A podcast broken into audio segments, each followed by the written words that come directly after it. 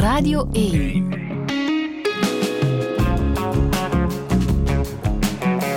Douche. Met Friede Lesage. En met Stijn Meuris. Goedemorgen. Dag Friedel, goedemorgen. Hoe gaat het? Goed, goed. Zondagochtend en uh, geen optreden vandaag. Dat is uh, opmerkelijk, want het is ja. bijzonder druk. Hè? Uh, je hebt een druk, ja. enorme tournee voor jouw zesde tirade. Ja. 59, net geen 60. Dat is de ondertitel die zeer erg belangrijk is. Hoe loopt het?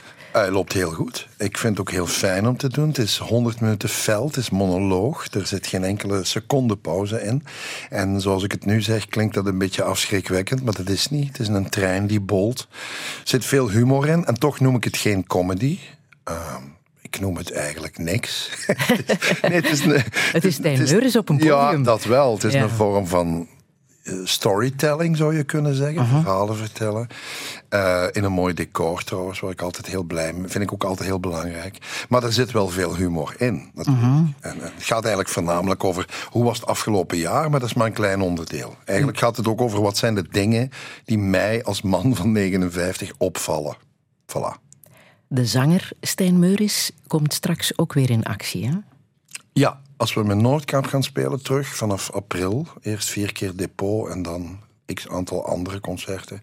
Dan dat weer. Maar dat, is nu even, dat zit nu even niet in mijn hoofd. Ik, ik heb altijd zo segmentjes, mappen eigenlijk. Mm -hmm. Ik kan het niet anders noemen dan kartonnen mappen die in mijn hoofd zitten. Eerst de tirades afwerken ja, en dat dan... is nu de belangrijkste map. Ja, ja. maar uh, dan zijn er nog een paar mapjes, ja. denk ik. Hè? Je hebt ook het mapje uh, columnist, wat je ook nog altijd doet, elke week. Het Belang van Limburg. Dat gaat één keer per week over, Ik kwam er eigenlijk deze week achter. Ik, ik was die van gisteren aan het schrijven. Dat gebeurt altijd op, ja, op, op gekke plekken. Uh, want beeldspraak heet de dat, beeld? Beeldspraak. Waar je heel, zegt bij een foto. Ja, heel dom. Uh, maar dat bedoel ik heel positief. Ik bedoel, ik kies een foto uit de krant, uit het Belang van Limburg. Mhm. Mm -hmm. En dan kies ik ook nog eens altijd een regionale foto. Dus die werkelijk geen enkele globale impact heeft, zelfs niet nationaal. Maar, maar enkel, dacht heel slim, om daar Limburg. Ja, wel, daar wordt altijd geweldig op gereageerd. Ja. Dat is fijn. Ja. En dan verzin ik eigenlijk mijn eigen verhaaltje bij die foto die al in de krant heeft gestaan. Het heet beeldspraak. Ik doe dat ontzettend graag. Maar echt waar, dat is een soort vingeroefening voor het brein. Um, van niks beginnen. En vaak trek ik mij ook zelfs niks aan van het oorspronkelijke verhaal wat op die foto te zien valt. En geef ik er een eigen slag aan. Dat vind ik heel tof. En deze week kwam ik er echt achter, vriend. Ik zeg, what the fuck, man. Ik doe dit al een kwart eeuw. Maar echt een kwart eeuw en zonder onderbreking. Dus dat betekent heel vaak ergens in een backstage of zelfs aan de kant van de weg op een laptop. Ik heb ja. ook al op mijn smartphone geschreven. Uh, wat toch een verschil is met pakweg 20 jaar geleden, dat je nog naar zo'n USB-lijn, of hoe heet dat dan? Ja, ja, ja. Zo'n lijn moest gaan zoeken. Uh, of zo in paniek een café binnenstoten, zo ergens, god weet waarvan. Ik heb nu dringend internet nodig. Dat is allemaal weg. Dus ik vind dat eigenlijk gewoon heel fijn. Die beeldspraak hoop ik nog te blijven doen. Ja. Op dinsdag gaat er nog een ander mapje open. Dan ja. ben jij radiopresentator bij de digitale zender Willy. Ja, ook dat nog. Uh, met, ja, ja, nee, heel fijn. Dat vind ik ook heel... Dat is nu sinds vier jaar. Ik heb daar een programma, dat heet Meuricy. Daar is over nagedacht. Ik zat al langer met die mm -hmm. naam in mijn hoofd. Ik hoop ooit nog een programma te mogen doen dat Primeuris heet. Maar goed, uh, dat is een nieuwsprogramma. Okay. Maar dat is heel fijn, omdat dat, daar was de vraag heel simpel bij de opstart van die, van die zender. Uh, uit een concurrerend huis, want ik ben een, een zeer trouwe en al langlopende VRT-fan. Maar toen kwam er ineens een verzoek uit een andere hoek, namelijk we gaan gewoon muziek draaien die we tof vinden. En dat klonk op papier als een sluitend plan. En dat is ook zo. En, en, en, en ik, where do I fit in? Ah, je draait gewoon de muziek die je twee uur tof vindt. En we bemoeien ons daar verder totaal niet mee. Mhm. En ik zeg, ja, maar dat ken ik. Daar wordt dan toch uiteindelijk mee gemoeid. Wel, we zijn nu vier jaar verder en ja, ik vind het gek. Um, dit is nog niet eens een omschrijving of een antwoord op uh, mijn vaste vraag. Hoe zou jij jezelf omschrijven, Stijn? Ja, ik kan er niet omheen dat ik 59 ben. Want Mhm. mm -hmm. zo heet de voorstelling. Uh, als een iets wat te druk ADHD, HSP zelfs, um, georiënteerd bazeke. En hoe ouder ik word, hoe meer ik erachter kom dat ik... En dat meen ik echt, want dat is een cliché, maar ik, er is wel over nagedacht. Ik ben nog altijd die ongebreidelde tiener van vroeger, uit Noord-Limburg, Overpelt. waar ik al heel lang niet meer woon. Maar in, in C ben ik daar nog steeds. Uh, dat voel ik wel. Uh, onzeker, driftig en eigenlijk voldoe ik, denk ik, aan het cliché. A moving target is hard to get. daarmee bedoel ik van bezig blijven, dingen doen. Want als je dat niet doet, ik weet dat. Ik ken mijn valstrikken. Denk. Stilvallen is geen optie. Nee, want stilvallen zou bij mij de valstrik zijn. Mhm. de, de absolute Achillespees die ik heb. Maar dat je ADHD'er bent, dat zeg je er ook altijd bij. Al vrij snel, bij elk interview. Ik kan er niet anders, omdat dat zit vaak in de weg. Mm -hmm. Dat is de reden waarom dat je dat wil vermelden? Ja, als een soort handleiding. Mhm. bij het begin. Pas op.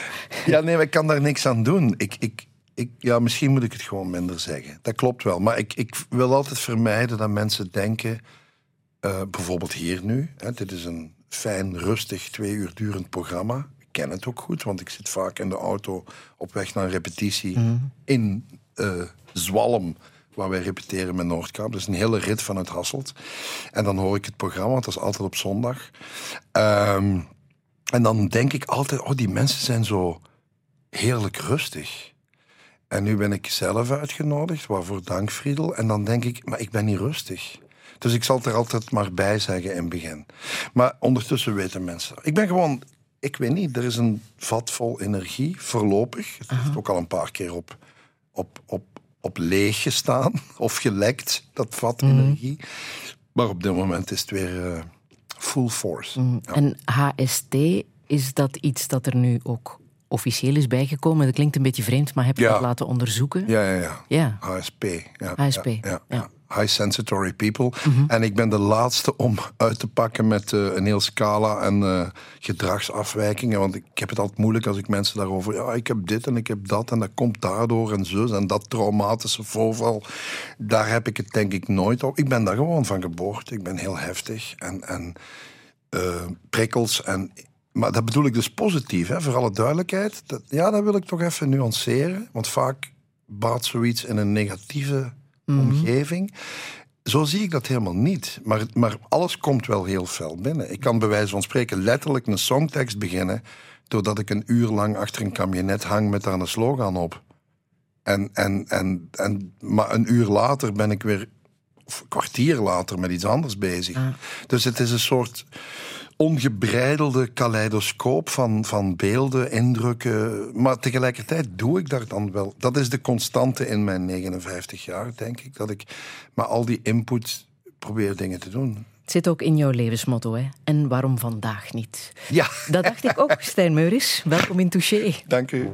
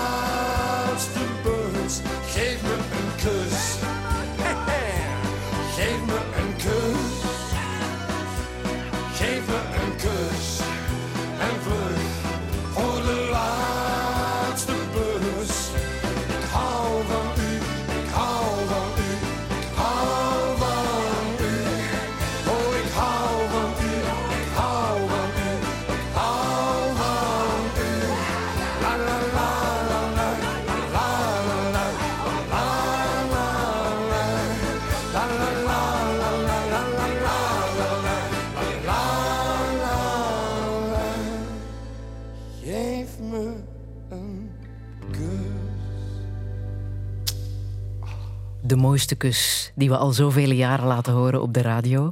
Stijn Meuris met Noordkaap, Ja. maar dat is dus voor april. Hè? Eerst, eerst de tirades. Ja. Ik Wat denk je als je dit nummer opnieuw hoort op radio? Wat, wat denk je dan zelf? Dan denk voel ik je? Jezus, toen was ik jong. Ja? Ja, nee, 95 was, dat. hè? half jaar. 1995. Nee, we waren toch al vijf jaar bezig Ja. met Noordkaap. Maar ik denk vooral, damn, had ik maar iets langer gewerkt dan die tekst.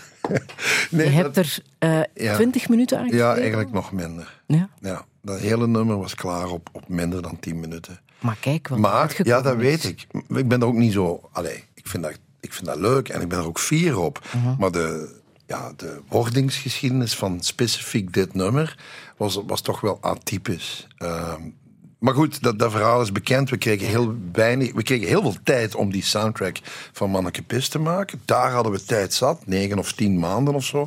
En ik wist als zanger, wauw, te gek. Ik moet bijna geen teksten schrijven, want het is een soundtrack voor een film. Ik dacht, ik denk dat ik drie teksten of zo moest schrijven. Maar toen kwam het moment waarop bleek van... ja, maar morgen vroeg hebben we al een liedje nodig... voor een bepaalde scène die in een bos in Wachtenbeke werd gefilmd. Omdat het toevallig dat weekend mooi weer ging worden. En het was een openluchtscène. En toen was er wel even paniek. En daaruit is dit nummer op een paar minuten. En achteraf dacht ik... Ah, daar ontbreekt eigenlijk gewoon een couplet. Maar, maar niemand vindt dat een probleem. Niemand. Niemand. Dat is heel raar. Wij er- spelen het nog altijd met Ja. eh, plezier. En we zijn ondertussen Ja. net geen 30 jaar later. Absoluut. Stijn, en jij bent ondertussen 59. I know. Hoe voelt dat, 59 zijn? Eh, Dat zegt eh, genoeg. Nee, nee, nee, nee. Mixed feelings. Mixed feelings. Het is niet eh, leuk. Ik sta vooral te kijken van de vaststelling dat het A zover is kunnen komen. Klinkt negatief, maar ik bedoel het eigenlijk positief.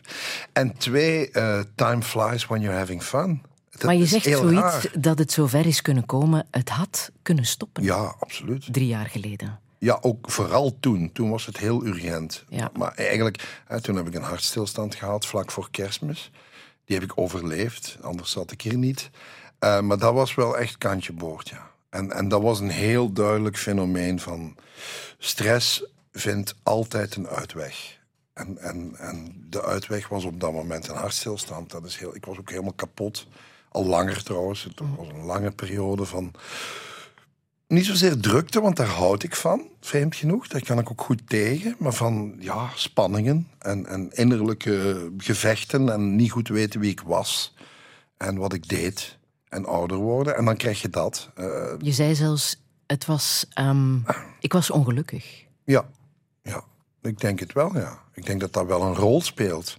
En, en bijvoorbeeld een, cardioloog zegt dat ook. Dat is een soort techneut op medisch vlak. Maar die zei, die zei ook van, je zit helemaal in de knoop. Helemaal, helemaal, helemaal verward. En daarvan kan je hard Doodgaan. geven. Ik denk het wel.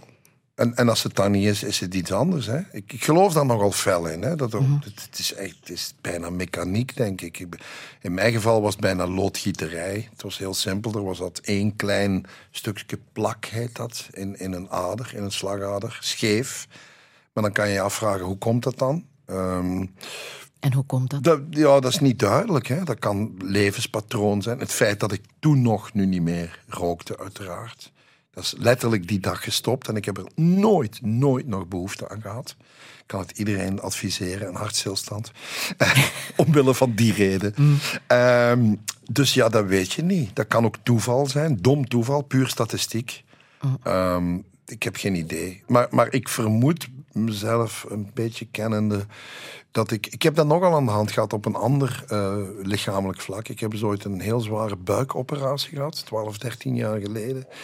Daarvan herinner ik mij dat de chirurg ook zei van, ah ja, maar dit moest gebeuren. Jij zet zoveel spanning op je lichaam. Dat kan je zien aan je organen. Ja, ik denk zelfs een heel dikke stalen poetrel in een gebouw, die kan je zodanig onder spanning zetten dat die na 30 jaar toch breekt. Maar je bent zes minuten Ja. dood geweest. Ja, daar komt, ja dit- zoals je het nu zegt, denk ik, oh jee. Maar daar komt het wel op neer, ja. Dat zijn twee nummers op de radio, hè? Dat is lang? Ongeveer, ja. Ja.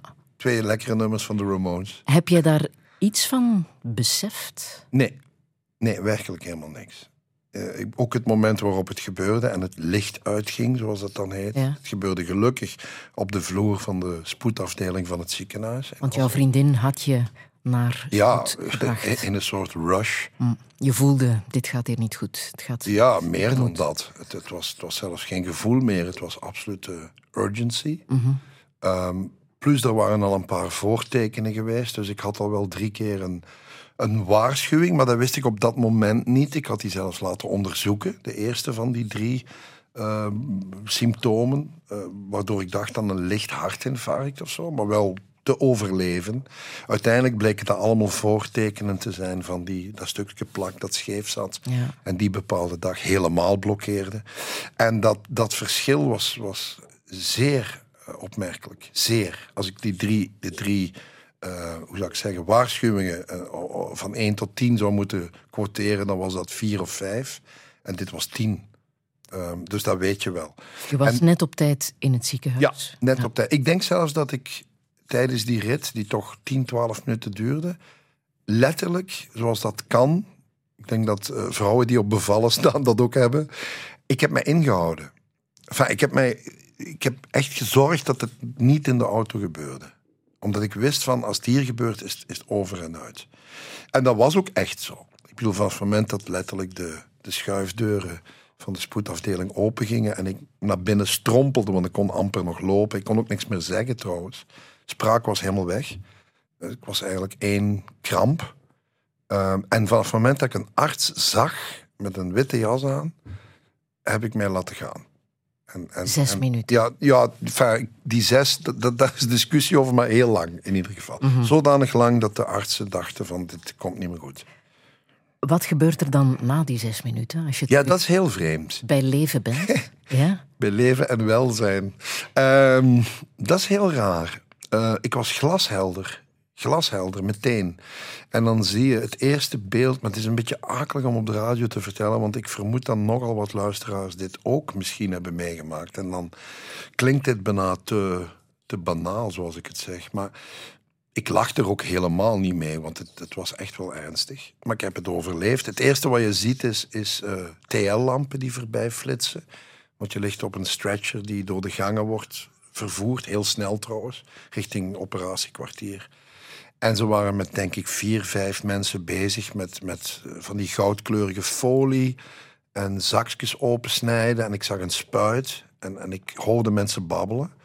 En eigenlijk was ik heel helder. En ik wist ook van, dit was waarschijnlijk niet goed wat er nu gebeurd is. En een paar minuten later lag ik in een operatiekwartier. eh, wat ik trouwens nog altijd wonderlijk vind, hoe snel die dingen gaan.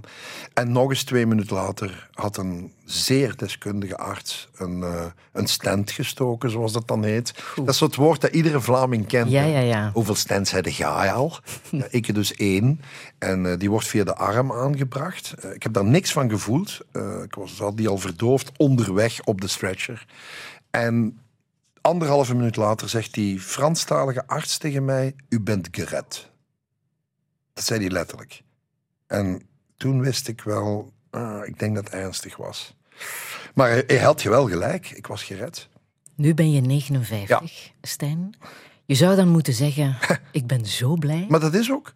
Dat is ook echt. Ja? Ik, ik besef ook wel heel goed van.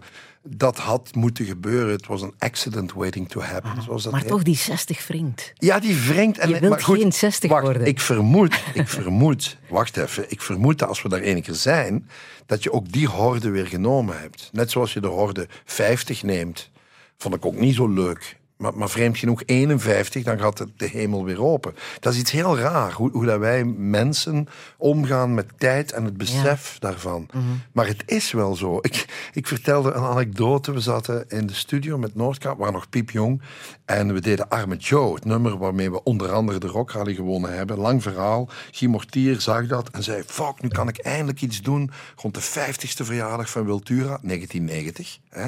En, eh, want de rest van mijn, van mijn humo, die zien dat zo niet zitten, maar ik wel. En nu hebben we een winnaar met een Tura-nummer. Daar gaan we iets mee doen. En dat is die fameuze Tura-Lura-plaat geworden.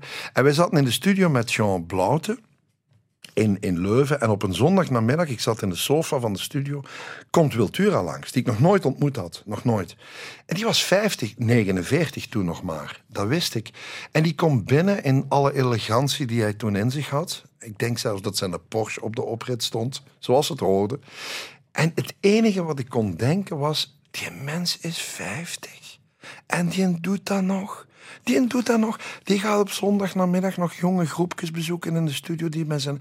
Wauw, dit kan toch niet waar zijn dat iemand zo nog doet. Nu ben ik 59. En ik doe dat ook allemaal nog. En kijk hoe lang Ja. Wiltura op een podium heeft gestaan. Amai. Ah. Ja.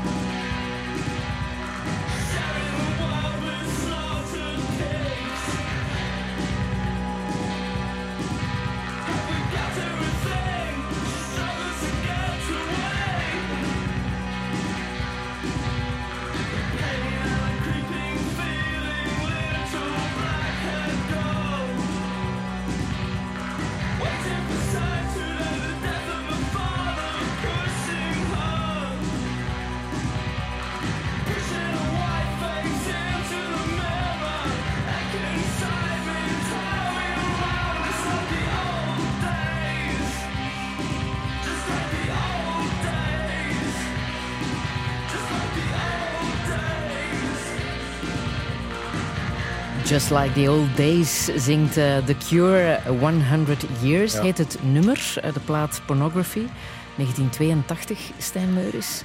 Wat heb je met dit nummer? Eh, ik met heel die plaat en bij uitbreiding de groep The Cure, daar ben ik geweldig fan van. Ik ben fan van vele artiesten en bands, maar dit is toch iets speciaals. Dit is mijn jeugd.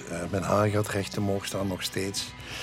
Een band die ik al vaak gezien heb, een soort spelvreugde. En dat vinden veel mensen raar, want die denken... Huh? The Cure, Robert Smith. Hè, de levende- Ja, ja, ja, amai. Dat is echt fantastisch op podium. Dat is zodanig straf. Maar niet alleen daar, ook emotie, eh, uit de artistieke, hoe de, hoe de hoe ze eruit zien. Ik vind die groep bijna de perfectie. Ja. Je jeugdjaren, Ja. zeg je. Ben jij opgevoed met het gevoel, ehm, maak iets van je leven, Stijn? Jawel, toch wel. Ja? ja. Wie gaf Er, was dat? geen, er was geen grote druk. Mhm. Ik denk toch vooral mijn, wijlen mijn vader, ehm, die er al bijna tien jaar niet meer is. Zo werd dat nooit gezegd in Overpelt aan de Leopoldlaan. Ehm, die terminologie gebruikten zij niet, maak iets van je leven. Maar dat was onderhuids wel, denk ik, een beetje het plan. Eh, studeer bijvoorbeeld, maar niet op een dwingende wijze. Dat, dat, dat was ergens iets dat gebeurde in de mist, maar het was wel de evidentie dat je dat ging doen. En als het vooral jouw vader was, Ja. was dat ook omdat hij iets van zijn leven had gemaakt? Mm. Ja, hij was, hij was eh, hands-on, zoals dat heet. Iemand die nooit gestudeerd had. Eh, tenminste, ik denk maar tot zijn veertiende of zo. Dat was echt heel bizar. In de vakschool, mm heette dat toen. Maar dan achteraf wel eh, de, zaken aangepakt. Dat was typisch mijn pa wel. Zeer verbaal ook. Hoe is hij opgeklommen? Eh, Hij van tandwieletjesdraaier, letterlijk, eh, in een fabriek aan een machine, Ja. tot, tot ja, personeelsdirecteur van een heel groot bedrijf. Van Dat twee bedrijven achteraf. stevige weg die hij In Nederland dan nog. heeft ja. afgelegd. Ja. Ja. Ja, absoluut. Maar dat, dat deed hij ook omdat hij, ik denk, intelligent was. Verbaal ook. Soms een beetje overdreven gedreven. Eh, ja, ik bedoel, eh, jawel, heel fijne, slimme man. eh, die, die met één been stond in het zeer volkse. eh, absoluut, 100%. Met de schub in de hand en, en ploeteren. Vlaams, denk ik. Maar aan de andere kant toch ook een, een bepaalde finesse had. Wa- Waarbij trouwens overigens mijn broer en ik, mijn broer is twee jaar jonger dan ik, met verbazing naar keken soms. Heel raar. Wij zagen enerzijds de pa Jacques, die eh, vloekend en tierend en, met van alles bezig en die rek moet gebouwd en dit en ik moet nog naar het stort. En dat was altijd heftig. Heftig, dat was het woord. En dan vreemd genoeg, als we hem af en toe in zijn werkomgeving zagen, dat we, tja, een directeur, een baas, met een plastron. Een heel ander taalgebruik ook. Nederlands ineens, want hij werkte in Eindhoven. En dan, is dat dezelfde man? Dat is een soort chameleon, vreemd genoeg. Maar wel iemand die vooruit wou. Ja, daar heb ik hem altijd voor bewonderd. Nou, Waarin leek jij op hem, denk je? goh, heftigheid. En daar botste het ook. Eh, ja, ja, we waren twee, vreemd genoeg twee accorderende vaten, of heet dat, communicerende vaten. Eh, maar tegelijkertijd water en vuur. Ehm, verbaal ook, allebei. Mijn broer stak zich denk ik iets vaker weg in stilte. Of die deed niet mee aan het conflict, als ik het zo mag noemen. Terwijl ik zocht het conflict soms op en, en vergrootte het uit. Hij is tien jaar geleden gestorven Ja. aan een aneurysma. Ja, Hij is zelf naar de dokter gegaan. Ja, naar de huisarts. Eh, nota bene, eh, twee dagen nadat hij thuis in de hof ook weer had liggen schuppen en doen tijdens een verbouwing in de winter. Want het was ook weer vlak voor kerstmis. En Maar zijn verhaal, wij zaten in Londen trouwens bij The Cure. Op een concert Ja. in Hammersmith Apollo. Ehm, en kregen te horen dat eh, pa een beetje ziek was. Wat grieperig. Ik zeg, ja natuurlijk man. Omdat hij op zijn knieën in een jeansbroek in de regen thuis tegels zit af te bikken. Buiten in de tuin. Dat moet hij niet doen op die leeftijd. Hij was toen 2,73. Ehm, en twee dagen later was hij dood. Dus, dus hij had dan, het had dan blijkbaar niks met die, met die regen te maken of met het weer. Het had te maken met ook inderdaad, net zoals bij mij, een kransslagader die op springen stond. Eh, bij mij is het goed opgelost, bij hem niet. Eh, gestorven letterlijk bij de huisarts op de, hoe heet het, de onderzoekstafel. En eh, ja, heel pijnlijk verhaal. Ja. Hij heeft niet zoveel geluk gehad. Nee, hij, hij was waarschijnlijk, zoals ik hem kende, ook iemand die urenlang, misschien zelfs een dag lang, heeft ontkend dat er iets was. Ehm, totdat mijn moeder zei van, en nu ga ik godverdomme naar de huisarts. Ja, maar het is zondag of... eh, die- ja, maar dat gaat toch maar. En, en ja, het is bijna een filmische, dramatische evolutie om dan daags na de begrafenis die een auto daar nog te gaan wegrijden bij de huisarts. Zo, ah ja, dat is juist, die ligt daar nog. En die jas ook. Ja, zo gaan de dingen.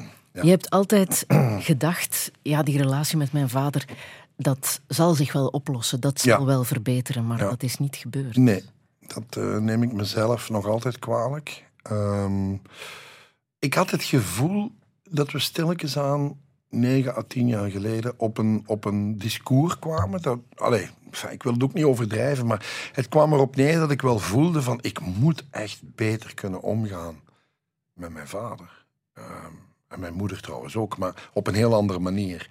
En, en dat voelde ik wel. En ik had ook de indruk dat we stappen aan het zetten waren in die richting. En hoe dan? Ja, gewoon communicatie. Waar het toch vaak fout loopt, denk ik dan. Mekaar niet willen snappen of een soort stoerheid die je dan toch willens nillens volhoudt. Vaak je hele leven lang. Van ik kom niet over de brug, ja, maar ik ook niet. Eh, daar komt het eigenlijk op neer. Ge- geen, geen openlijk conflict, er was, geen, er was vooral geen oorlog. Maar je kent dat, dat sluimert, dat zit in de mensen. En ik voelde van nee, dit, kan niet, dit is niet goed. Hij wordt ouder, ik word ouder, dit, dit kan niet. En net op het moment dat ik voelde, hier zit winst in, eh, we gaan er geraken. Ik zag niet dat we... Wij waren sowieso geen vader-zoon die, eh, hoe zou ik zeggen, schouder aan schouder door het bos wandelden en geweldige anekdotes over champignons uitwisselden. Zo zaten wij niet in elkaar. Er was toch een soort afstand, een... een oef, ik, ik, nee, dat klinkt te fel. Ik wou bijna zeggen een kilheid, dat is niet waar. Maar ook geen, geen knuffelende warmte. Daar, daar waren we sowieso niet mee bezig. Helemaal niet. En terwijl ik het zeg, denk ik dat heel veel Vlamingen dit herkennen. Want wij doen wel vaak alsof. En dan wordt dat de warme familie of het nest genoemd. En dan weet ik van, dat is niet waar. Het is gewoon heel vaak niet waar.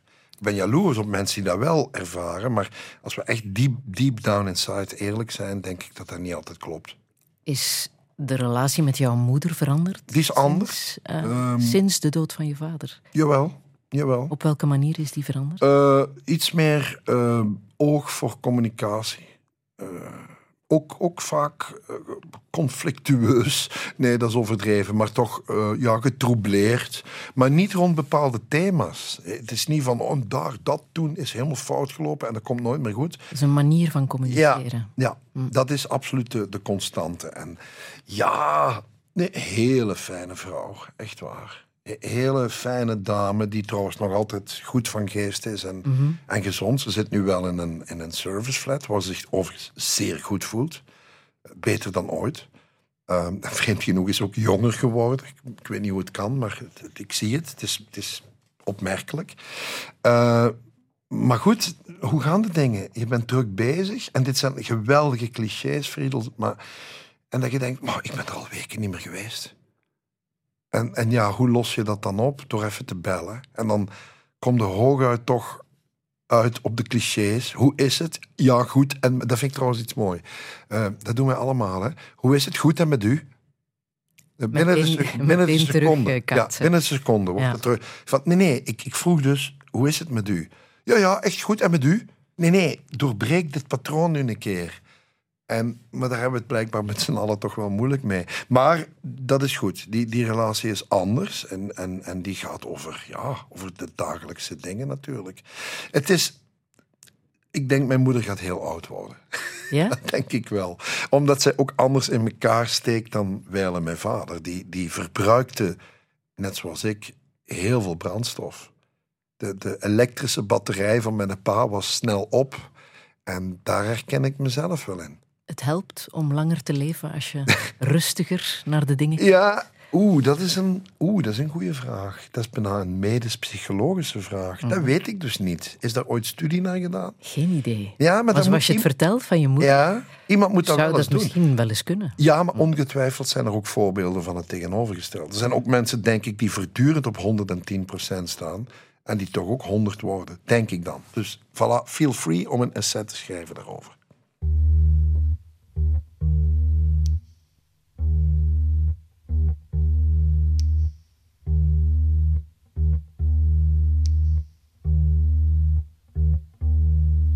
By the time I get to Phoenix,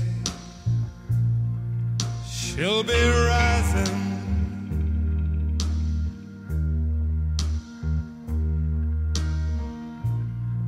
And she'll find that note that I left hanging on the door.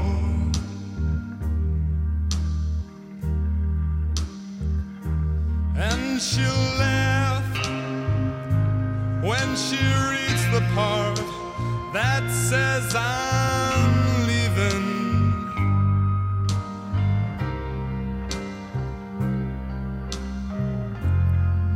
Cause I've left that girl before.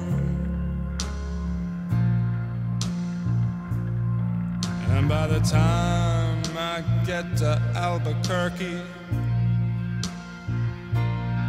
she'll be working.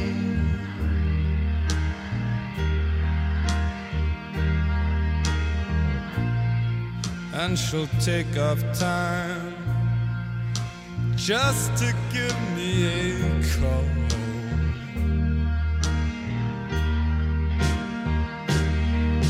you hear.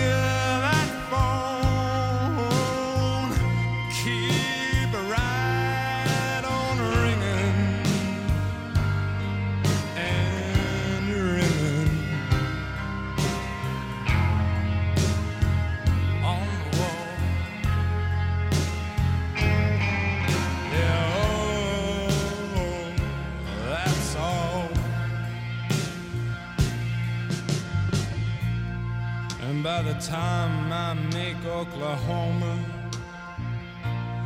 she'll be sleeping.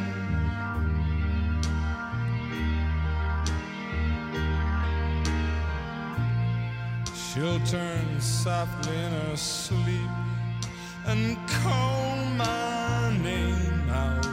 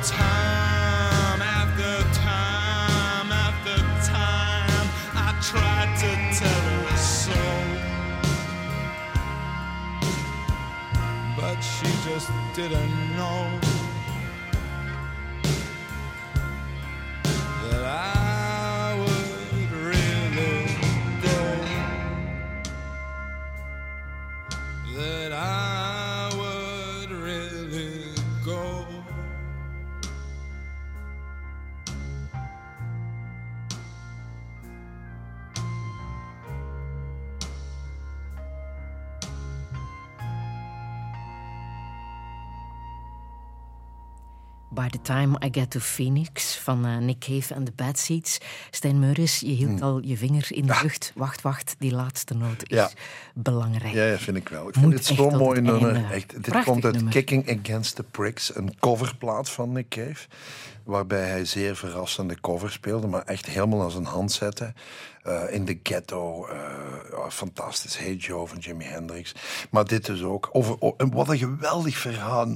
Oorspronkelijk, een, lang geleden, ik denk zelfs jaren 50, een soort standard in Amerikaanse muziek. Eigenlijk gewoon een verhaal over iemand die zijn vrouw verlaat. Eh, in alle vroegte ochtends, zonder dat zij het weet, sluipt hij de deur uit, eh, stapt in de auto en rijdt. En, en ja, aan die contraien van de Verenigde Staten, linksonder, zeg maar, daar kan je dan nog. Ik ben er trouwens ooit geweest in Phoenix, Arizona. En rijdt. En hij, dat vind ik zo briljant aan teksten. Hij beschrijft eigenlijk gewoon de rit van stad tot stad en verzint wat zij op dat moment doet tijdens die rit. Dus ze staat op op een bepaald moment, komt erachter, hij is er niet meer, ziet een briefje liggen, leest dat briefje, doet dit, doet dat, moet toch naar haar werk, ondanks alles. En ondertussen maakt hij kilometers en, en, en noemt gewoon de steden op. Wauw. En ja, daar ben ik eigenlijk jaloers op. Die, die benadering van tekst, dat is zo sterk. Dat is, dat is storytelling. Dat is van, om een of andere reden, en nogmaals, wij maken in dit kleine land fantastische muziek. Dat meen ik, hè. Ik- hier klopt zelfs iets niet. Geografisch heel weinig vierkante kilometers, maar uitzonderlijk veel goede artiesten. Dat is echt opmerkelijk. Maar als ik dat niveau hoor van teksten vooral, ik vind dat vaak nog wat schort hier. Niet zozeer aan onze muziek, maar aan teksten. Ik, ik mis verhalen. Ik, ik hoor ook heel vaak de clichés, en vooral als het in het Engels is. Dan denk ik van, oh jong, is het dat maar? Terwijl ik dat zo belangrijk vind. En dan hoor ik zo'n tekst, By the time I get to Phoenix. Die titel alleen al is een prijs waard.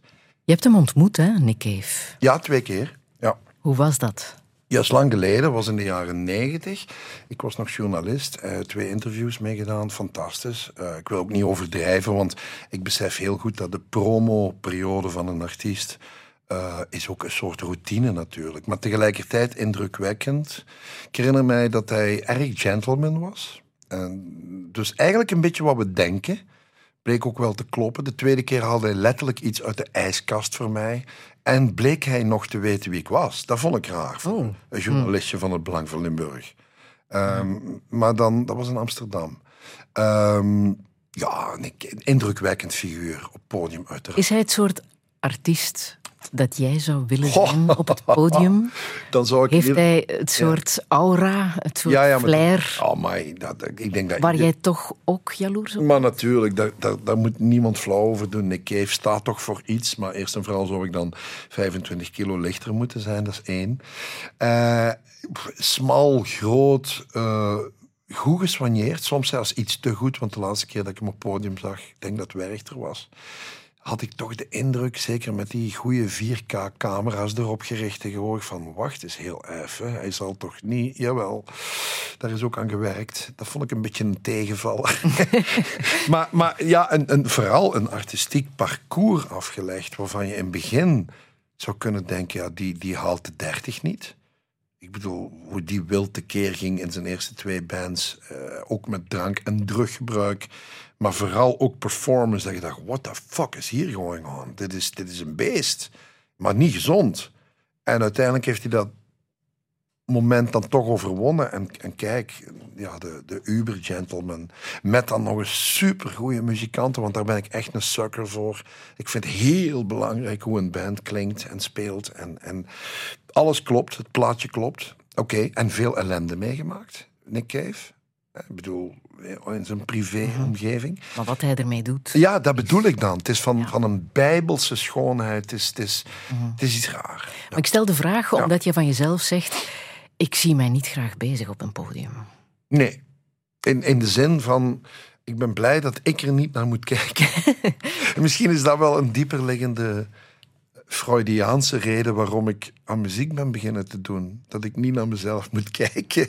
Maar nee, ik bedoel, er zit een ongebreideldheid in mij. Een energie die eh, weliswaar heel efficiënt is en, en waar ik van alles mee doe. En nogal wat mensen vinden dat dan ook wel indrukwekkend. Maar zelf... het- Kijk, Had jij dan een, een Adonis willen zijn? Nee, nee, nee, geen, dat bedoel ik zo niet. eh, maar, maar wel eleganter. Ik ben niet elegant. Het gaat daarom. Ik ben, ik ben Nochtans, Iets dat groot. is Stijn Meuris. Wie jij bent op het podium, ja, zo kennen we jou. En dat ik denk ook. Ja, maar dat is niet. dat ja, wij daar als publiek niet bij Ik stilstaan. vind dat je nu een, een heel goed, maar ook gevoelig onderwerp aanraakt. Ja? Omdat dat bijna de fond, de, de, de crux van mijn bestaan is. Waarom doe ik de dingen die ik doe? Ja. En, en ik weet het nog altijd niet. Er moet ergens iets zijn. Geen dadendrang. Het is ook absoluut geen ijdelheid. Ik, ik, ik, dat zeg ik er echt bij, omdat nogal wat mensen, en dat wordt dan vaak heel poertig ge- gesteed, eh, dat dat zo... Nee, helemaal niet. Integendeel, want dan deed ik dit, dit volstrekt niet. Ik, ik ben niet. Ik ben geen Adonis, ik ben niet mooi, ik ben niet elegant. Maar er is wel een soort, denk ik, echtheid of zo. Ik, ik, ik weet niet. Dan komt het in die clichés terecht. Authentiek heet dat dan. Ik weet het gewoon niet. Maar, maar, ik, maar ik zou wel eens even willen... Ja, hoe moet ik zeggen? Zo'n Nick Cave. Maar dat- ja... Ik weet het gewoon niet. Het is iets raar. Iedereen is anders. Laten we ons daarbij houden. Eh, We hadden net Robert Smith van The Cure. Ook niet bepaald een fotomodel. Eh, En dan druk ik me nog voorzichtig uit. Met zijn geleuterde zwarte pullen aan en zijn, ja, zijn Maar kat. het feit dat jij hier nog Ja. altijd zit en mensen jou allemaal Ja. kennen als de zanger van Noordkaap, wil Ja. toch ook wel zeggen dat, eh dat je Ik denk dat- bent. Ja, ik denk dat vooral de periode Noordkaap, jaren 90, was heel specifiek, omdat dat een, een, eh, een sturm und drang in zich had, die toch geen hard rock was of metal, of, maar wel die energie had, vreemd genoeg. In het Nederlands nota bene, want daar moeten we eerlijk over zijn, Friedel, dat is toch wel een geheim wapen. Ehm, en Dat dan heeft kan je zeggen, bevestigd, denk ik. Hè? ja, wel, wij toen niet jullie, alleen. Toen maar- jullie de Rock Rally Ja. wonnen, zoveel jaar geleden, ehm, was dat 1990. denk ik net datgene waar Mhm. je mee uitblonk. Ja, pas op, Gorky zat er ook in, hè, in de finale. Mhm. Eh, eigenlijk was er een soort permanent, geen strijd, helemaal niet.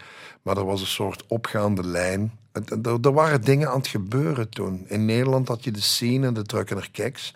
Hier in België had je een heel fijne ondergrondstroming, die ik tof vind. Aroma di Amore, de Brassers, allemaal in het Nederlands. Maar wij waren dan anders. En, en daar stond daar ineens een raar manneke met een bril achter de micro te brullen bril en brul. Knap.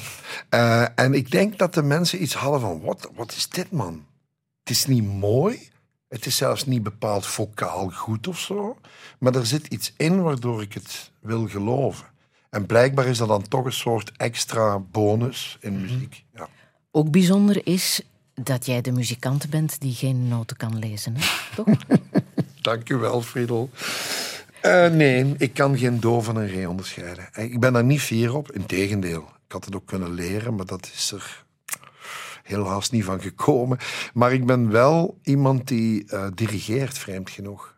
Dat is, dat is een heel bizarre tegenstelling, want onze beste nummers zijn gemaakt door het unieke talent van vier muzikanten, muzikanten dan. En ik die daar in het midden stond en begon te zeggen, wat, dit, dit, hier, wat dit, wat nu, nu. En dan, ja, maar wacht even, mijn idee, wat ik wou demonstreren, zit nog maar op een derde. Er komt nog twee derde en dat is veel beter. Niet doen, niet doen, dit deel is het. En dat werd dan druk in Leuven bijvoorbeeld, waarop ik, zo kwam ik onlangs pas te weten, echt waar, dit illustreert wat jij nu zegt. Ja? Pas drie repetities geleden zegt de rest van Noordkap tegen mij: Druk in Leuven, wist jij, Stijn, dat je daar niet in zingt? Ik zeg: Hoe bedoelt je? Niet, je zingt één saaie noot, vier minuten lang. Ik zeg: Nee, nee, er is ook nog het refrein en de bridge. Dat is dezelfde noot. Wat? En, en pas toen, en, maar dat was helemaal geen eh, negatieve opmerking. Dat was eerder een bemerking. En dacht, oh fuck, het zit wel echt heel... Maar ja, toch werkt het. Maar als je zegt, Mhm. ik ben eigenlijk de dirigent, de, de regisseur van de muziekgroep, Ja. Dan raak je daar ook iets... ehm, ik weet niet of het een frustratie is, ik hoop van niet, maar eigenlijk zou jij regisseur willen zijn. Filmregisseur zelfs. Ik- regisseur ben je eh, geweest hè, voor televisie. Ja, oké, maar dat was op, op reportagevlak. Hè. Heel dat is tof, niet te vergelijken met filmregisseur. Maar ik, ik heb ergens dat romantische beeld. Ik, ga er, eer- ik ben ook wel zo dat ik dat toch wel het chicste beroep ter wereld vind. Ja? Echt waar. Ik denk, en nu kan je zeggen, nee, hartchirurg, waar ik overigens erg dankbaar voor ben dat het bestaat. Maar ik denk, als je echt mag dromen, dan is filmregisseur in mijn visie het mooiste beroep. Ja. Pas op, wie weet luistert er iemand die denkt, ah, ik zou wel Ja. eh, Stijn Ik- mm, eh, Stijn kunnen gebruiken ja, als regisseur van mijn Wel, film. ik, ik zou het nog kunnen en willen doen, dat meen ik echt trouwens, maar ehm, niet met een beperkt budget. Oké, dat is dan Nee, meteen ja, duidelijk. Nee, dat, voilà. Eh, De VAR gaat ferm uit de... Ja, vast wat. Nee, de VAR niet. De, ja, het Vlaams Audiovisueel Fonds. Maar je bent inderdaad wel op een leeftijd om te zeggen, eh, dit is iets wat ik echt nog wil Nee. denken. Nee, ik heb dat altijd een heel... Ik meen dat echt. Ik, ik hou van goede films. En, en iedere keer let ik ook op het puur technische. Maar ook over hoe, hoe zit die sfeer. Dat interesseert mij ook heel veel. Ik was daar zwaar van onder. Ik ben blij dat ik een paar keer op een filmset heb mogen rondlopen. Zo noem ik het dan. En zelfs een beetje heb mogen meespelen. En dat was het perfecte excuus om van dichtbij te zien hoe een film werkt. Puur Dat waren de films van Robbe de Hert en ook in Daans Ja. van Stijn Konings. Koning. Ben je even te zien geweest? Ja. Ja. Een film die Oscar genomineerd was. Ja, ja. Er zijn een paar Hollywood-mensen die eh, jou misschien wel hebben bezig Nee, nee, dat denk ik Die niet. hebben niet gebeld. En, en dat was ook niet de bedoeling. maar dat was een ideaal excuus om letterlijk wekenlang op een filmset rond te hangen. En ik heb, daar, ik heb daar wel mijn ogen de kost gegeven. Ik vind dat zo'n mooie omgeving. Maar ik heb dat vaker, Friedel. Ik heb dat zelfs met een backstage van een festival of een, of een iets wat groter concert. Dan, ik, ik ben daar heel graag. En, en nog vaker ben ik liever tussen de, de flightcases en de kisten en de koffiemachines en de kabels dan aan de voorkant. Dat is iets heel raar bij mij. Ik denk zelfs soms dat ik met muziek begonnen ben op mijn zestiende omwille van dat. Je hebt ook een zeer grote voorliefde voor filmmuziek. Ik wil Ja. even dit laten horen. Dit is van Johan Johansen, een IJslandse componist. Ja. Hij schreef dit voor eh, de film Sicario, Ja, die nog te zien is op Netflix. Een heel spannende... ja geweldige drugfilm over de, de drughandel tussen Mexico en Amerika. En het is deze muziek Ja, die het ook zo spannend maakt, natuurlijk. Het is geweldig. Het is een film van Gilles, eh, wat zeg ik, Dennis Villeneuve, die we ook kennen van Blade Runner trouwens, de, de nieuwe Blade Runner. Ook met dit type muziek. Ehm, en Hans Zimmer is daar ook erg goed in. Ja, dit dus. Het is bijna niks en het komt maximaal binnen. Dat vind ik heel knap. Ja. Jij wou ook meteen weten, hoe heeft hij dat gedaan? Welke Oh, ik zag de heeft film. Ik weet nog altijd niet goed hoe ik het uitspreek. Sicario of Sicario. Ja. En eh, ik hoorde die klanken, dit dus. Het is bijna Jaws van Spielberg. Het is bijna niks, twee noten. En ehm, dit.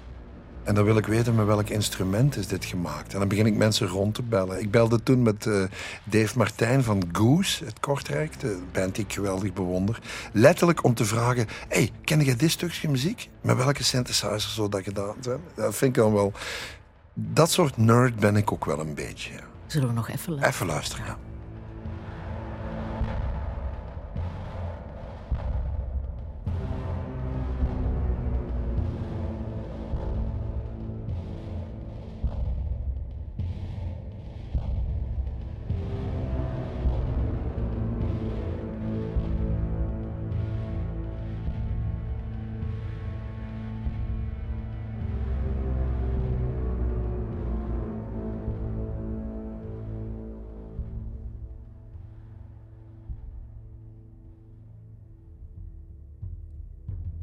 Beast heet dit stukje. Komt dus uit die film eh, Sicario, Ja. nog te zien eh, op Netflix.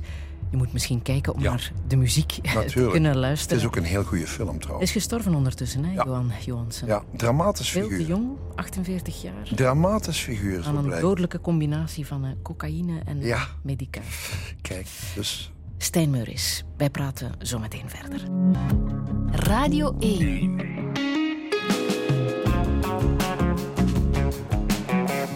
Douche. Met Friede Lesage.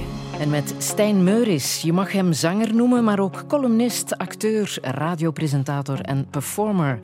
Dat brede werkveld heeft hij naar eigen zeggen te danken aan zijn ADHD. Eens staat niet in zijn woordenboek. Waarom vandaag niet is zijn levensmotto. Opmerkelijk voor iemand die een paar jaar geleden zes minuten lang dood was. Wat heeft hij geleerd uit zijn hartstilstand? Wat is zijn manier om zichzelf in toom te houden? En waarom is 59 zijn niet zo fijn? Dit is Touché met Stijn.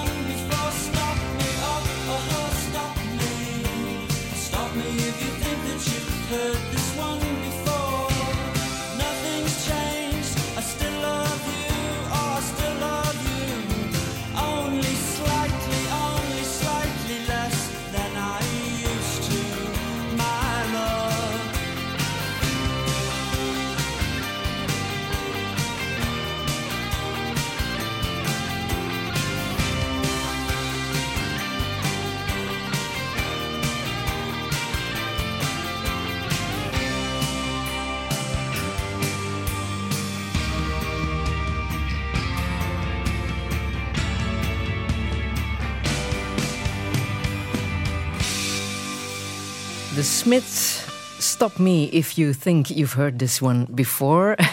Stijn Meuris helemaal meegeplaybacked, gedrumd, gitaar speelt, gezongen in de studio. Sorry. Nee, heerlijk om te zien. Ja. Maar het zit diep, hè, dit nummer. Ja, niet zozeer dit, nu- dit ook. Hè. Tintelfris, de perfecte popsong. Maar dat, zo hadden de Smits er veel.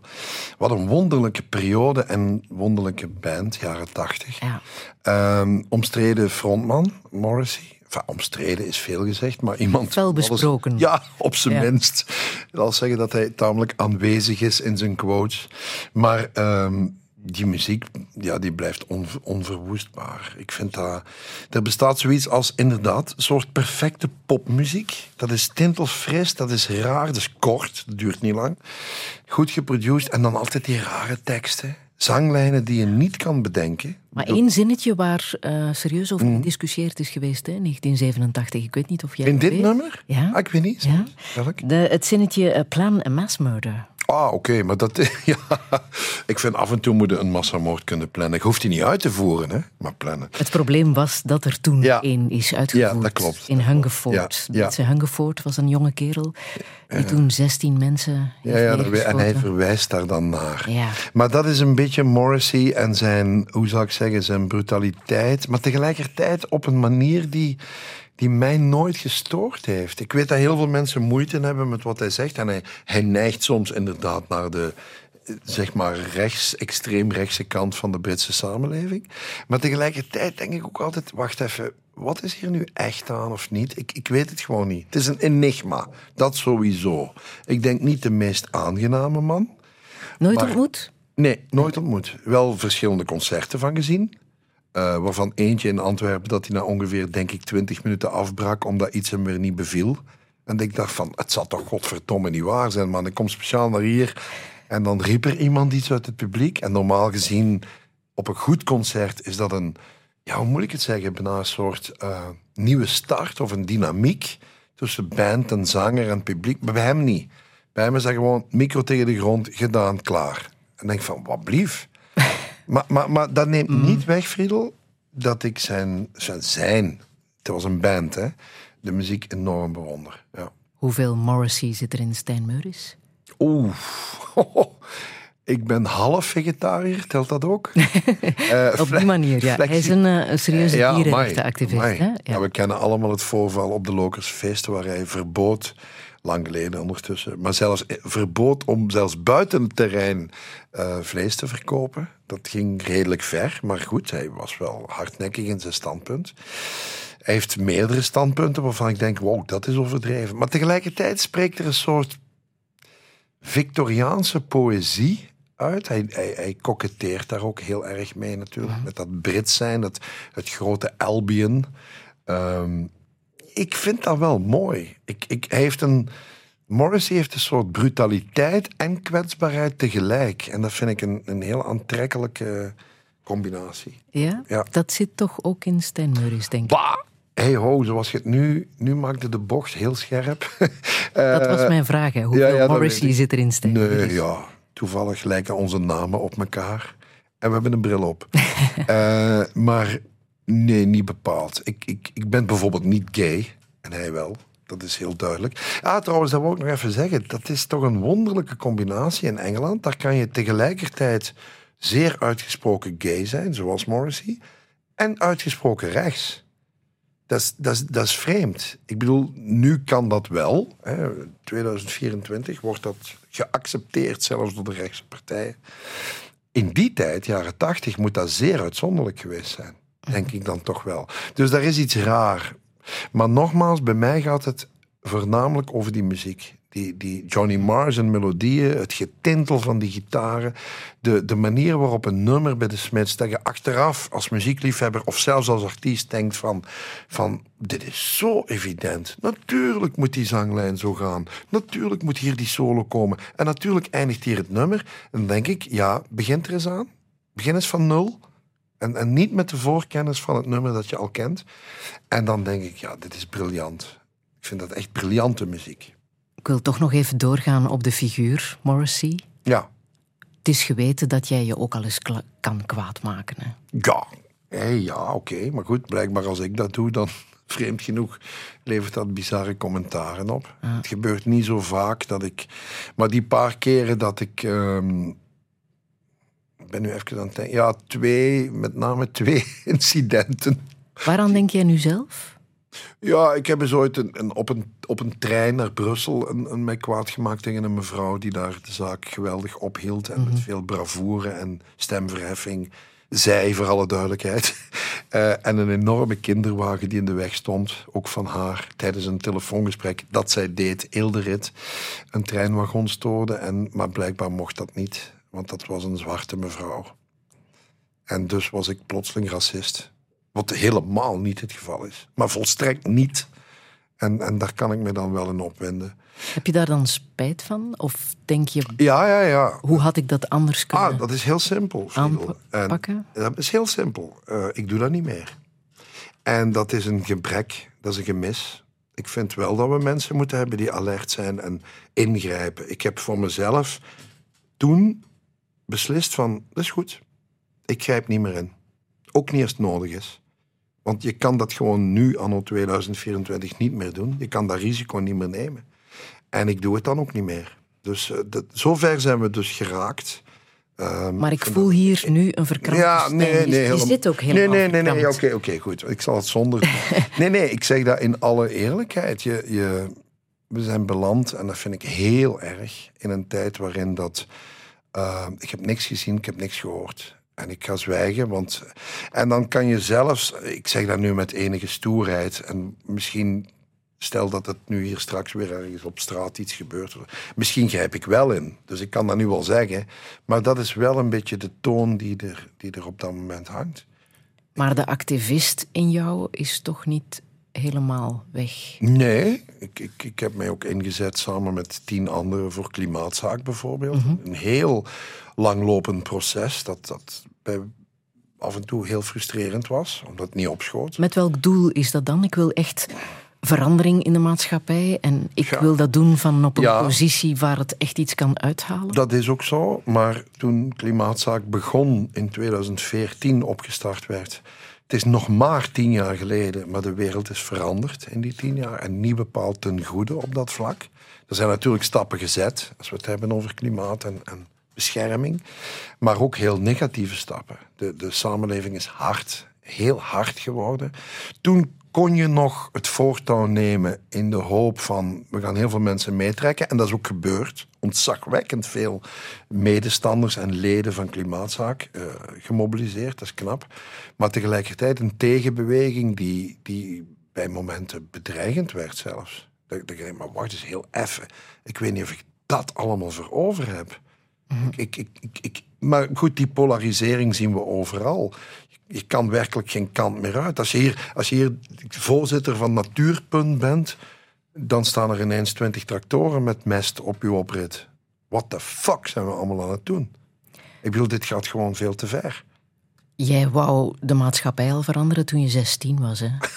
Als zanger van Groepenbeeld. Oh, dat wil ik toch Ja. even laten horen. Toen, toen klonk jij zo. Oei. 16 jaar, hè? Oh mijn god.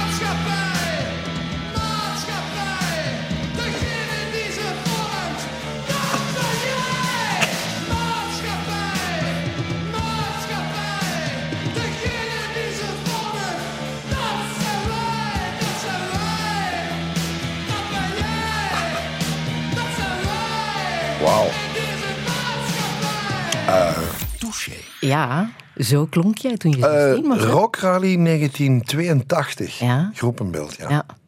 De maatschappij, dat zijn wij. Ja, dat is een cliché zinnetje. Ik was al blij dat het rijmde. Eh, nee, nee, maar die, die Sturm und Drang zat er wel al in, ja. In het Nederlands. Maar zou jij in 2024 terug 16 willen zijn? Nee, dat is overdreven. 16 hoeft niet bepaald. Dat weet ik niet. Nee, dat denk ik niet. Ik, misschien wel 35. Zo, Maar er zijn 16-jarigen, hè, anno 2024. Amai, ze zijn met veel. En, en ze zijn slim over het algemeen. Hm, En- Hoe en kijk ik, jij naar die jeugd? Ik heb zelf geen kinderen, laat me dat eerst vooropstellen. Dus dat kleurt al een beetje je beeld. Dan kijk je wel anders, hè? Ik denk dat wel. Maar, maar eh, met een mengeling van optimisme en bezorgdheid toch wel. Maar ik denk dat dat altijd zo geweest is. Volgens mij in de jaren 40 keken mensen ook zo naar de jeugd. Ehm, maar wauw, het gaat wel ontzagwekkend snel. En ik denk dat er een soort versnelling is opgetreden. Sedert internet, uh, sedert smartphones, sedert social media, noem maar op. Daar moeten we niet flauw over doen, dat is zo. Ik Jij hebt ben- nog het leven zonder internet ja, meegemaakt. en als je dat zo zegt, dan ben ik echt een oude boomer. 59, hè? Natuurlijk, en dat is ook zo. Maar dus nee, uiteindelijk, at the end of the day, zal daar wel een zeer gunstige, gunstige evolutie uitkomen. Daar ben ik zeker van. Maar ik zie natuurlijk ook de valstrikken. AI, waar het nu voornamelijk over gaat, en ChatGPT, daar kan ik me geweldig druk in maken, omdat ik echt wel een man van het woord en het geschreven woord ben. En ook het feit dat dat uit uzelf komt en niet opgedragen aan een computer die dat dan verzint. Ehm, en dan zeggen anderen van, ja, maar Stijn, je ziet dat helemaal verkeerd, man. Dat is een tool, dat is een tool, dat gaat ons helpen. En dat is te gek, want nu zijn er ook mensen die minder verbaal zijn, die het toch heel goed kunnen gaan. Dan denk ja, maar wacht eens heel even. Waar zit dan de, waar zit dan de uitdaging nog? Waar zit de schoonheid? Waar zit het menselijke aspect? Maar tegelijkertijd besef ik tijdens zo'n opmerking dat ik oud ben. Daar moeten we niet flauw over doen. Dat is gewoon zo. Natuurlijk komt... ik- Wat ik, dat vind ik ook altijd grappig. Oudere mensen die zeggen... Ja, ja, dat is op komst, jong. Dat is op komst. Ik denk, wat een, wat een achterhaalde opmerking is dat. het is niet op komst. Het is, Is al. all, het is all around. Maar je zegt, ik wil wel terug 35 zijn. Ja, dat lijkt me een geschikte leeftijd. Nu 35 Ja. zijn. En waarom? Omdat daar nog vele kruispunten mogelijk zijn. Ehm, op 16 ook, te veel zelfs. En, en op 59 te weinig. Maar het leven bestaat uit kruispunten en de juiste afslag nemen. En dat doen we denk ik zonder er vaak bij stil te staan. Grote beslissingen neem je heel bewust. Hè. Ga ik wel trouwen? Ga ik heel kinderen? Weet ik veel, welke studies eventueel. Welke andere keuze zou Ja. je dan maken op je 35?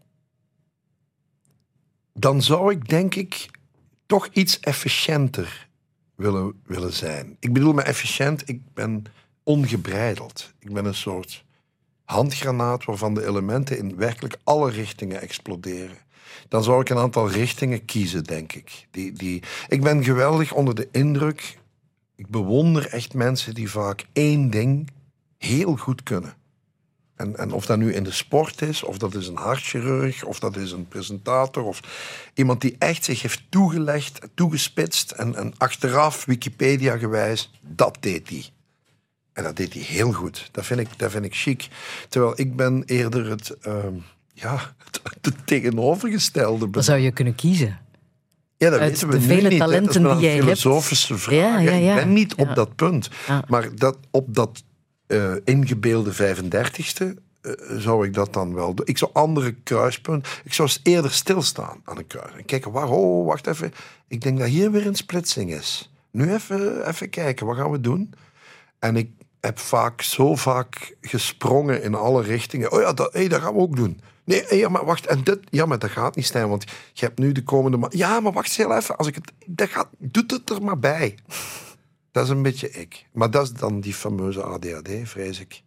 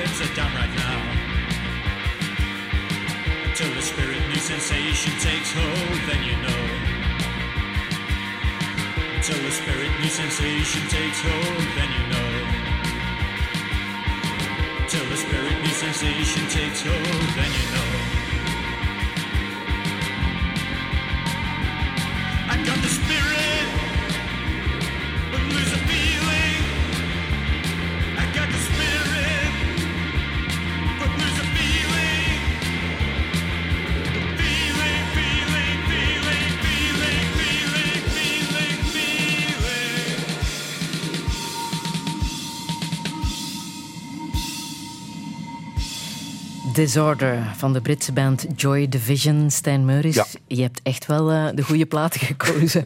de Stijn Meuris platen Ja, daar kan ik... krijgen ja, we hier goed. geserveerd. Ja, ik mocht plaatjes Ja, kiezen. Friedel. tuurlijk, met plezier. En dan kies ik eh, iets van eh, een band waar ik... ze hebben maar kort bestaan, hè. officieel maar twee platen uitgebracht. Maar wat een impact had Joy Division destijds. En nu nog steeds, het werkt nog steeds na. Vooral die Ian Curtis Oh. natuurlijk. Hè?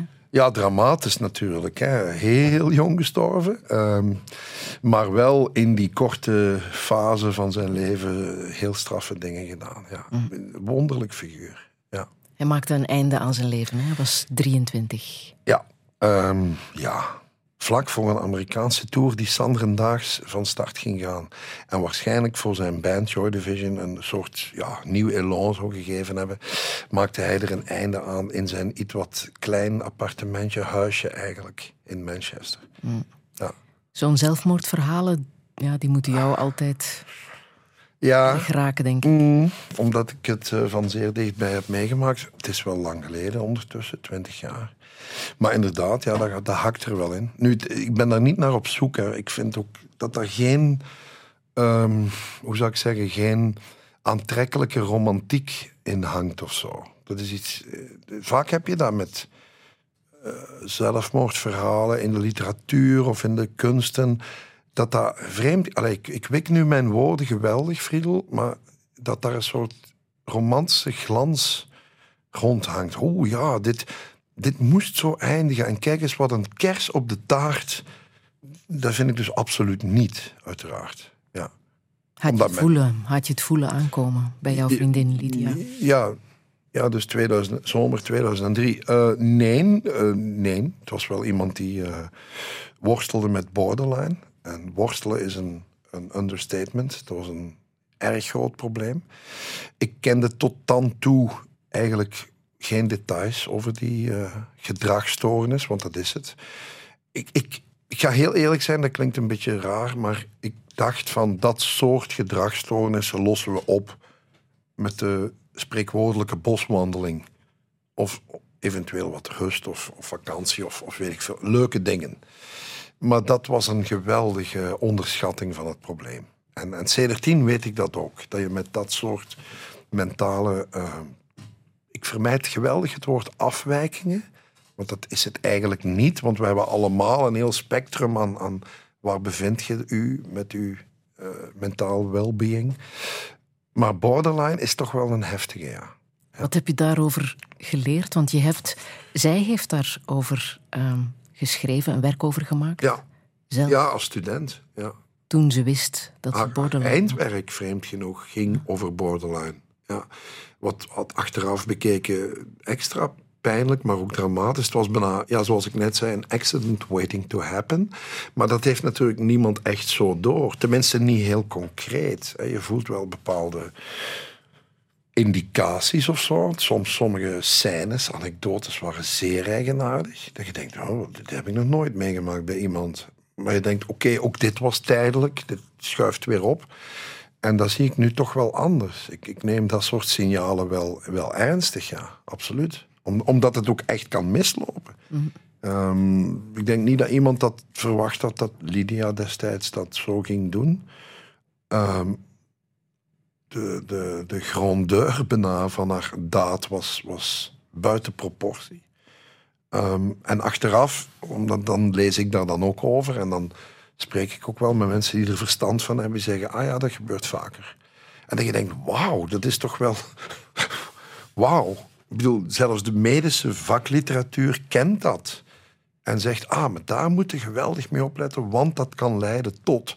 En wij hebben dan denk ik toch als onwetende burger vaak de indruk van, ja, maar wacht even, we gaan daar eens goed mee praten. En misschien een therapie of medicatie of ik weet niet welke oplossing. Maar van sommige dingen kan je bijna niet met zekerheid, maar grotendeels voorspellen wat er op komst is. En borderline is zo'n ding. Ja, Jij moest verder, hè? Daarna. ja tuurlijk. Wist jij wat rouwen was op dat moment? Nee. Nee, want daar was ik eigenlijk nog niet mee geconfronteerd. Nee. nee. En hoe heb je dat Goh, gedaan? Die periode door? we zijn nu twintig jaar verder en ook daar had ik misschien een ander kruispunt gepakt. Ja? te fel. Ik bedoel te fel in de zin van... Ik zat toen in een fase met heel veel activiteiten en werk. En oh ja, ook weer die ADHD die blijft doorstromen. Dus ik dacht vooruit. Er is maar één weg mogelijk en dat is vooruit. En dat is ook echt zo. Ehm, maar tegelijkertijd moet, moeten misschien iets vaker stilstaan. Dat besef ik heel goed, ja. Dat had ik toen kunnen doen. Daar is ook wel een... Uiteraard is er rouw geweest. Maar dat was bijna in uitgesteld relais. Ik was in het begin samen met haar familie overigens. Met alle respect, want dat was fantastisch hoe die mensen daarmee omgingen. Heel fel bezig met het puur praktische. En met, met ja, zo hoort het dan ook uiteraard. En zo van, de shock. Ook van, dit kan toch niet. Iemand die zo jong, zo mooi en alles nog voor zich heeft, intelligent. Speelt ook een rol blijkbaar bij Borderline. Ehm, en dan toch gebeurt dat. En pas achteraf, vele maanden later, dacht ik, wacht eens heel even. Waar was mijn, waar was mijn moment van inzakking? Dat was er precies niet. Natuurlijk even wel, maar niet op grotere schaal. Niet, er zat geen... eh, ik miste bij mezelf een soort diepgang. En, en pas vele maanden of jaren, dat weet ik niet meer, later voelde ik die diepgang. En kwam dat in een soort uitgesteld relais eh, nog eens extra hard binnen. Wat was dat eigenlijk? Dat gevoel. Van, wa- wacht eens heel even. Wat was dat toen, die zomer? En dat is een soort tweede laag die bovenop een drama komt. Ik denk dat iedereen dat wel een beetje herkent. Je kan dat zo hebben met een bepaalde tegenslag of met een werk dat je verliest. Of, en dat je pas, voor mij part aan een bushalte plotseling, bij een bepaalde stand van de zon, drie seconden lang kunt denken, wat was dat?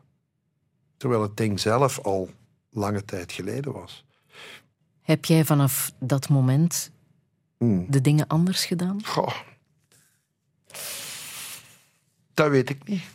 Ik, ik ben, uiteindelijk blijf je toch wie je bent, denk ik. Een soort vat vol energie.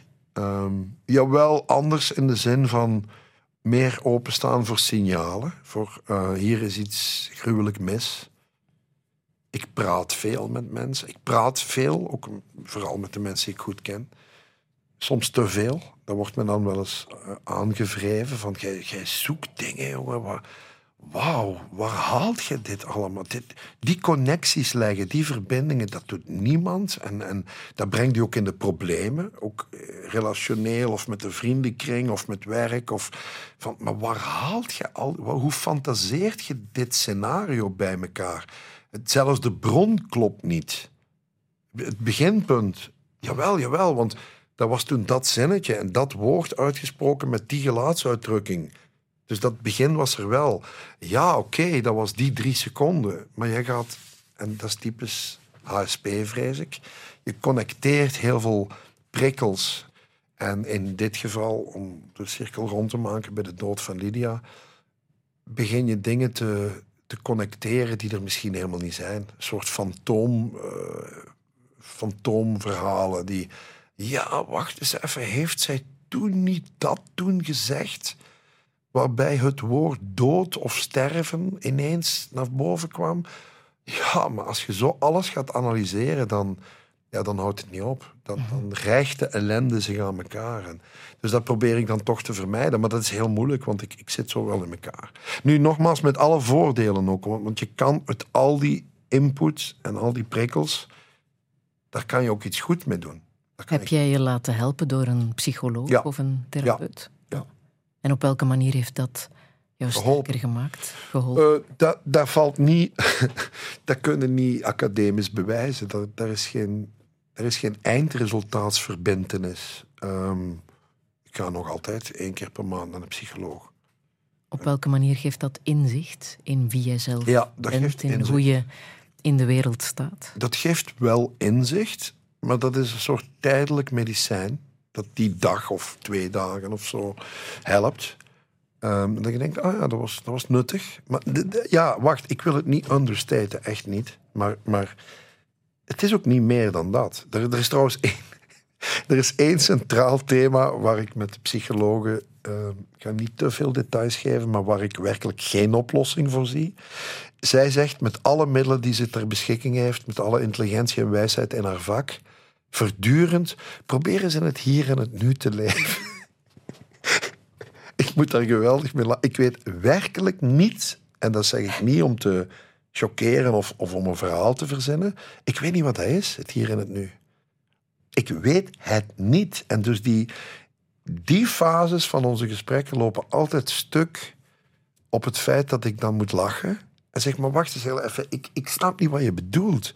En zeg, jawel, je zit slim genoeg om te... Nee, nee, en ik ben dit nu niet aan het provoceren. Het hier en het nu, dat lijkt uit een soort handboek te komen. Dat was ook een plaat van de Kreuners die zo heette. Maar goed, dit los daarvan. Eh, ik weet niet wat dat is. En, en dus, soms zijn die sessies raar. Om, ja, omdat ik gewoon de bron van het probleem niet herken of zo. Genieten van het moment. Ja, dat, Hier nu zijn in deze studio en I praten. know, I know. En dat, dat is ook zo, hè. Dat herken ik wel. Maar op een soort eh esoterisch, etherische wijze niet. Daar weet ik niet wat dat betekent. Daar heb ik trouwens zeer weinig talent voor. Ik zou, laat ons zo zeggen, ik zou snel buitengezet worden op een cursus klankschalentherapie.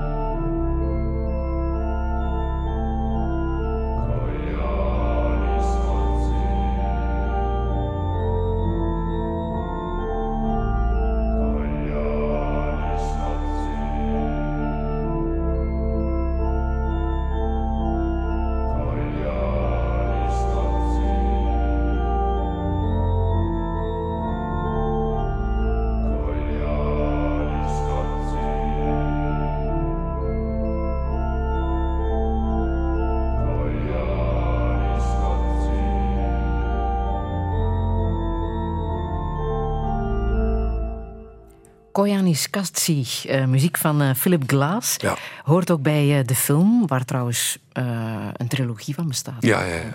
Oh man, die film. Stijn Meuris, het was wel de ideale muziek die moest komen toen we het Blijkbaar. hadden over het hier en het nu. Ja. Je weet wat dit betekent, Koyanis? Ja, ongeveer. Hè. Het is, een, het is een, een woord uit de taal van de Hopi-Indianen, dacht ik. Ik weet niet, Indiaan mo- mogen we niet meer zeggen, maar ja, ik vind even geen ander woord.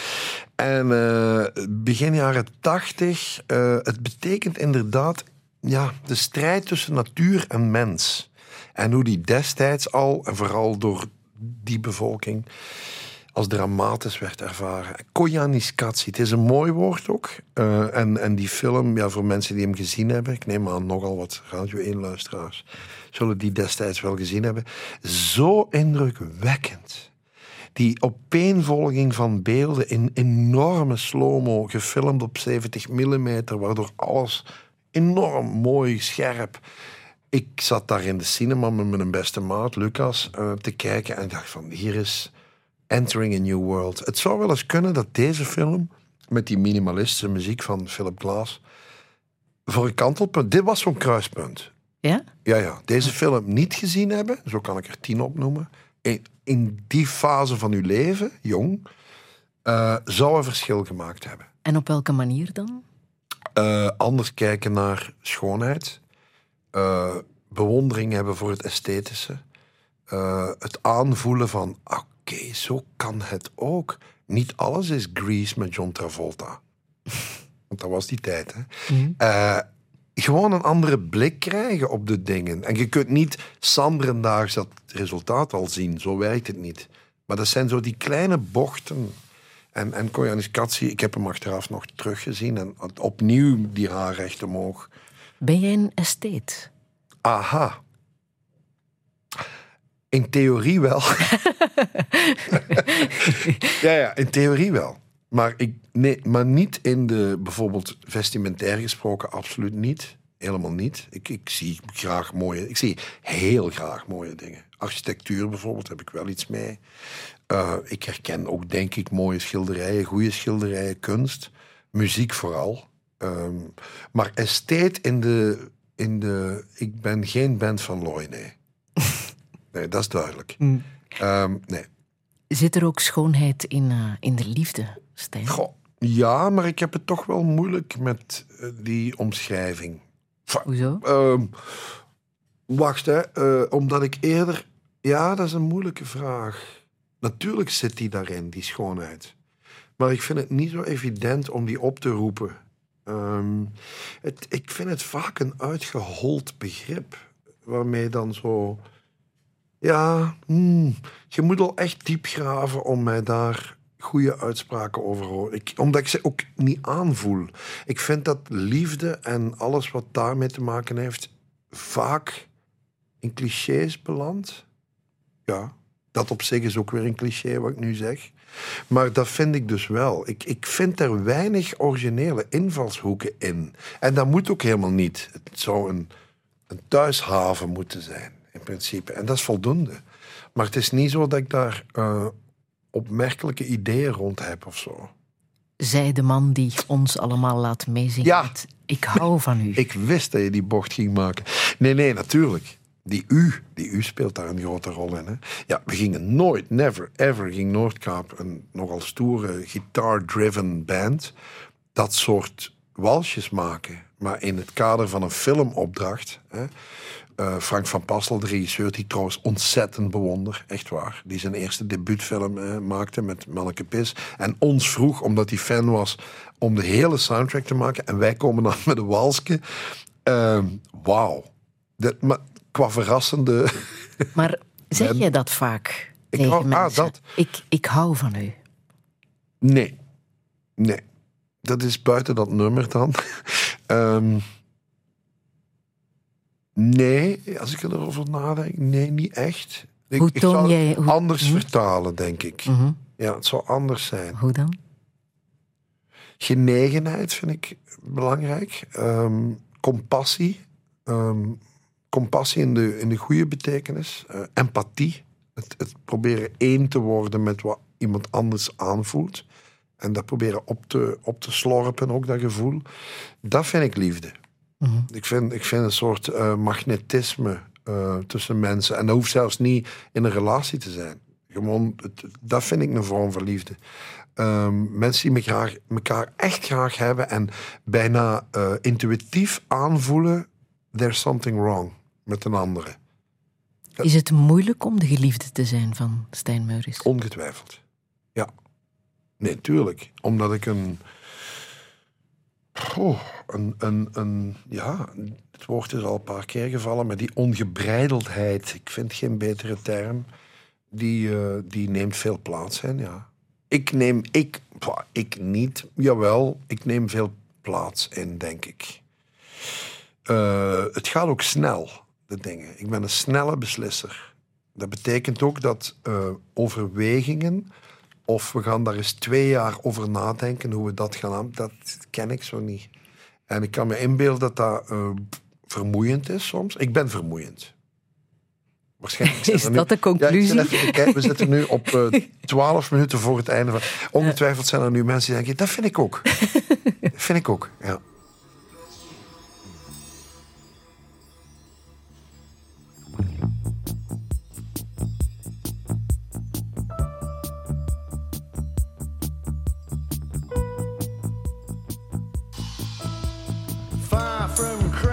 Pavements, the taste of silver spoons, a clinical arrangement on a dirty afternoon where the fecal germs of Mr. Freud are rendered obsolete.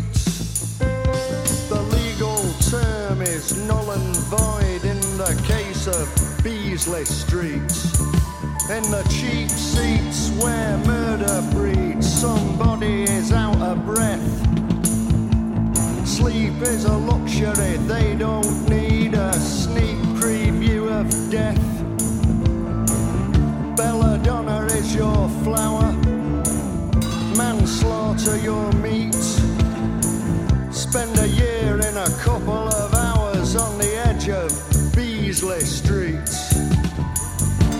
the action isn't. That's where it is. State your position. Vacancies exist in an ex certificate exercise. Ex servicemen excrete. Keith Joseph smiles and a baby dies in a box on Beasley Street. From the boarding houses and the bed sits full of accidents and fleas. Somebody gets it where the missing persons freeze. Wearing dead men's overcoats, you can't see their feet. A rift joint shuts, opens up right down on Beasley Street. Cars collide, colours clash, disaster movie stuff. For a man with a Fu Manchu moustache, revenge is not enough. There's a dead canary on a swivel seat, there's a rainbow in the road. Meanwhile, on Beasley Street, silence is the code.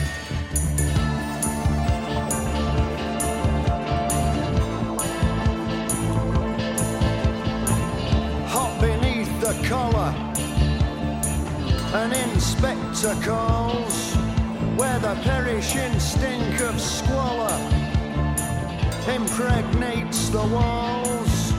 The rats have all got rickets, they spit through broken teeth. The name of the game is not cricket, caught out on Beasley Street. De punkpoet John Cooper Clarke in 1980 met Beasley Street. Stijn Meuris, zo gaat hij nog even door. Hè? Mensen moeten dit nummer gewoon nog eens Helemaal. helemaal beluisteren eh, met de koptelefoon. Voor jou heeft het ook een bijzondere betekenis, dit nummer. Ja, ik vind, ik vind John Cooper Clarke sowieso een fascinerend figuur. Ehm, een dichter, maar hij bracht altijd een soort urgency in zijn teksten. En hij beschreef heel mooi het Engeland van begin jaren tachtig. eh, onder andere Thatcher, maar heel die sfeer. En ik was het aan het opzoeken en toen bleek dat nogal wat bands die ik goed vind... allemaal uit dezelfde regio kwamen. Manchester, Sheffield, Liverpool. Ben je op de verkeerde plek geboren, Stijn? Dat is overdreven, maar zo dat midden van Engeland...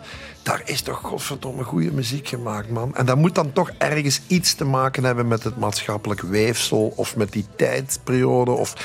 Allee, en dan, ja, John Cooper Clarke. Ik, geloof hem gewoon. Een soort, een soort Nick Cave, maar op een andere manier. Ja. Stijn Meuris, 1 december gaat het gebeuren Wat? dat je 60 wordt. Ah ja, oei, ja. Het klinkt Ga als je, het ga einde je van dat vieren? Ga je daar iets mee Eh, doen? er zijn plannen om een eh, heel eh, oldschool fuifje te geven voor vrienden. En en that's it, ja. Maar dat zal wel een mooi feestje worden. Wat rest je nog? Ja, ik... boh, dat is de, de olifant in de kamer. Ik hoop nog veel, echt waar. Ik hoop echt nog veel. Alhoewel dat er een vermoeidheid begint op te treden. En die, die hoeft niet per se slecht te zijn. Het is, het is goed dat af en toe iemand... eh, hoe zeggen ze dat? Eh, reculer pour mieux sauter. Pour mieux sauter. Ja, voilà. Dus die, die, dat moet ik misschien wel eens doen. Maar ik hoop nog wat muziek te maken. Met of zonder Noordkaap. Of in een andere bezetting. Ik hoop nog theaterdingen te mogen schrijven. Ik, ik, wie weet komt er nog iets. Ik weet het niet. Radio maken, heel tof. Met welke boodschap wil jij hier nog eindigen? Hou vol. Nee, maar nee, dat Ja? klinkt heel gek. Het zijn maar twee korte woordjes, maar daar, ik heb steeds meer het gevoel dat heel de samenleving, en dan bedoel ik niet enkel in Vlaanderen, maar bijna wereldomvattend, dat dat bijna de centrale term. Ik weet niet hoe dat in het Latijn. Iemand moet mij eens opsturen hoe dat in het Latijn klinkt. Dan kan dat zo op een, op een muur geschilderd worden, maar hou vol. Dat is denk ik eh, op dit moment de boodschap. Je wil nog eindigen met TC Matic. Ja, ja, sowieso. Arno is ehm, bij zijn afscheid met een gigantisch eresaluut vertrokken. Fantastisch. Een eresaluut van vrienden, fans, zelfs van de koning. Ja. Stel dat het jou was gebeurd. Dan weet ik niet of dat zo gaat gebeuren. Maar ja, ik ben altijd grote fan geweest van Arno. En heel specifiek TC Matic uiteraard. Toch een van die bands die mij heeft gekickstart destijds. Dat ik dacht, wauw, zo kan het ook. En nog altijd, nog altijd. Ik vind eh, het zo straf, zo Belgisch en tegelijkertijd universeel. Zo sterk energetisch. Ik word er emotioneel van.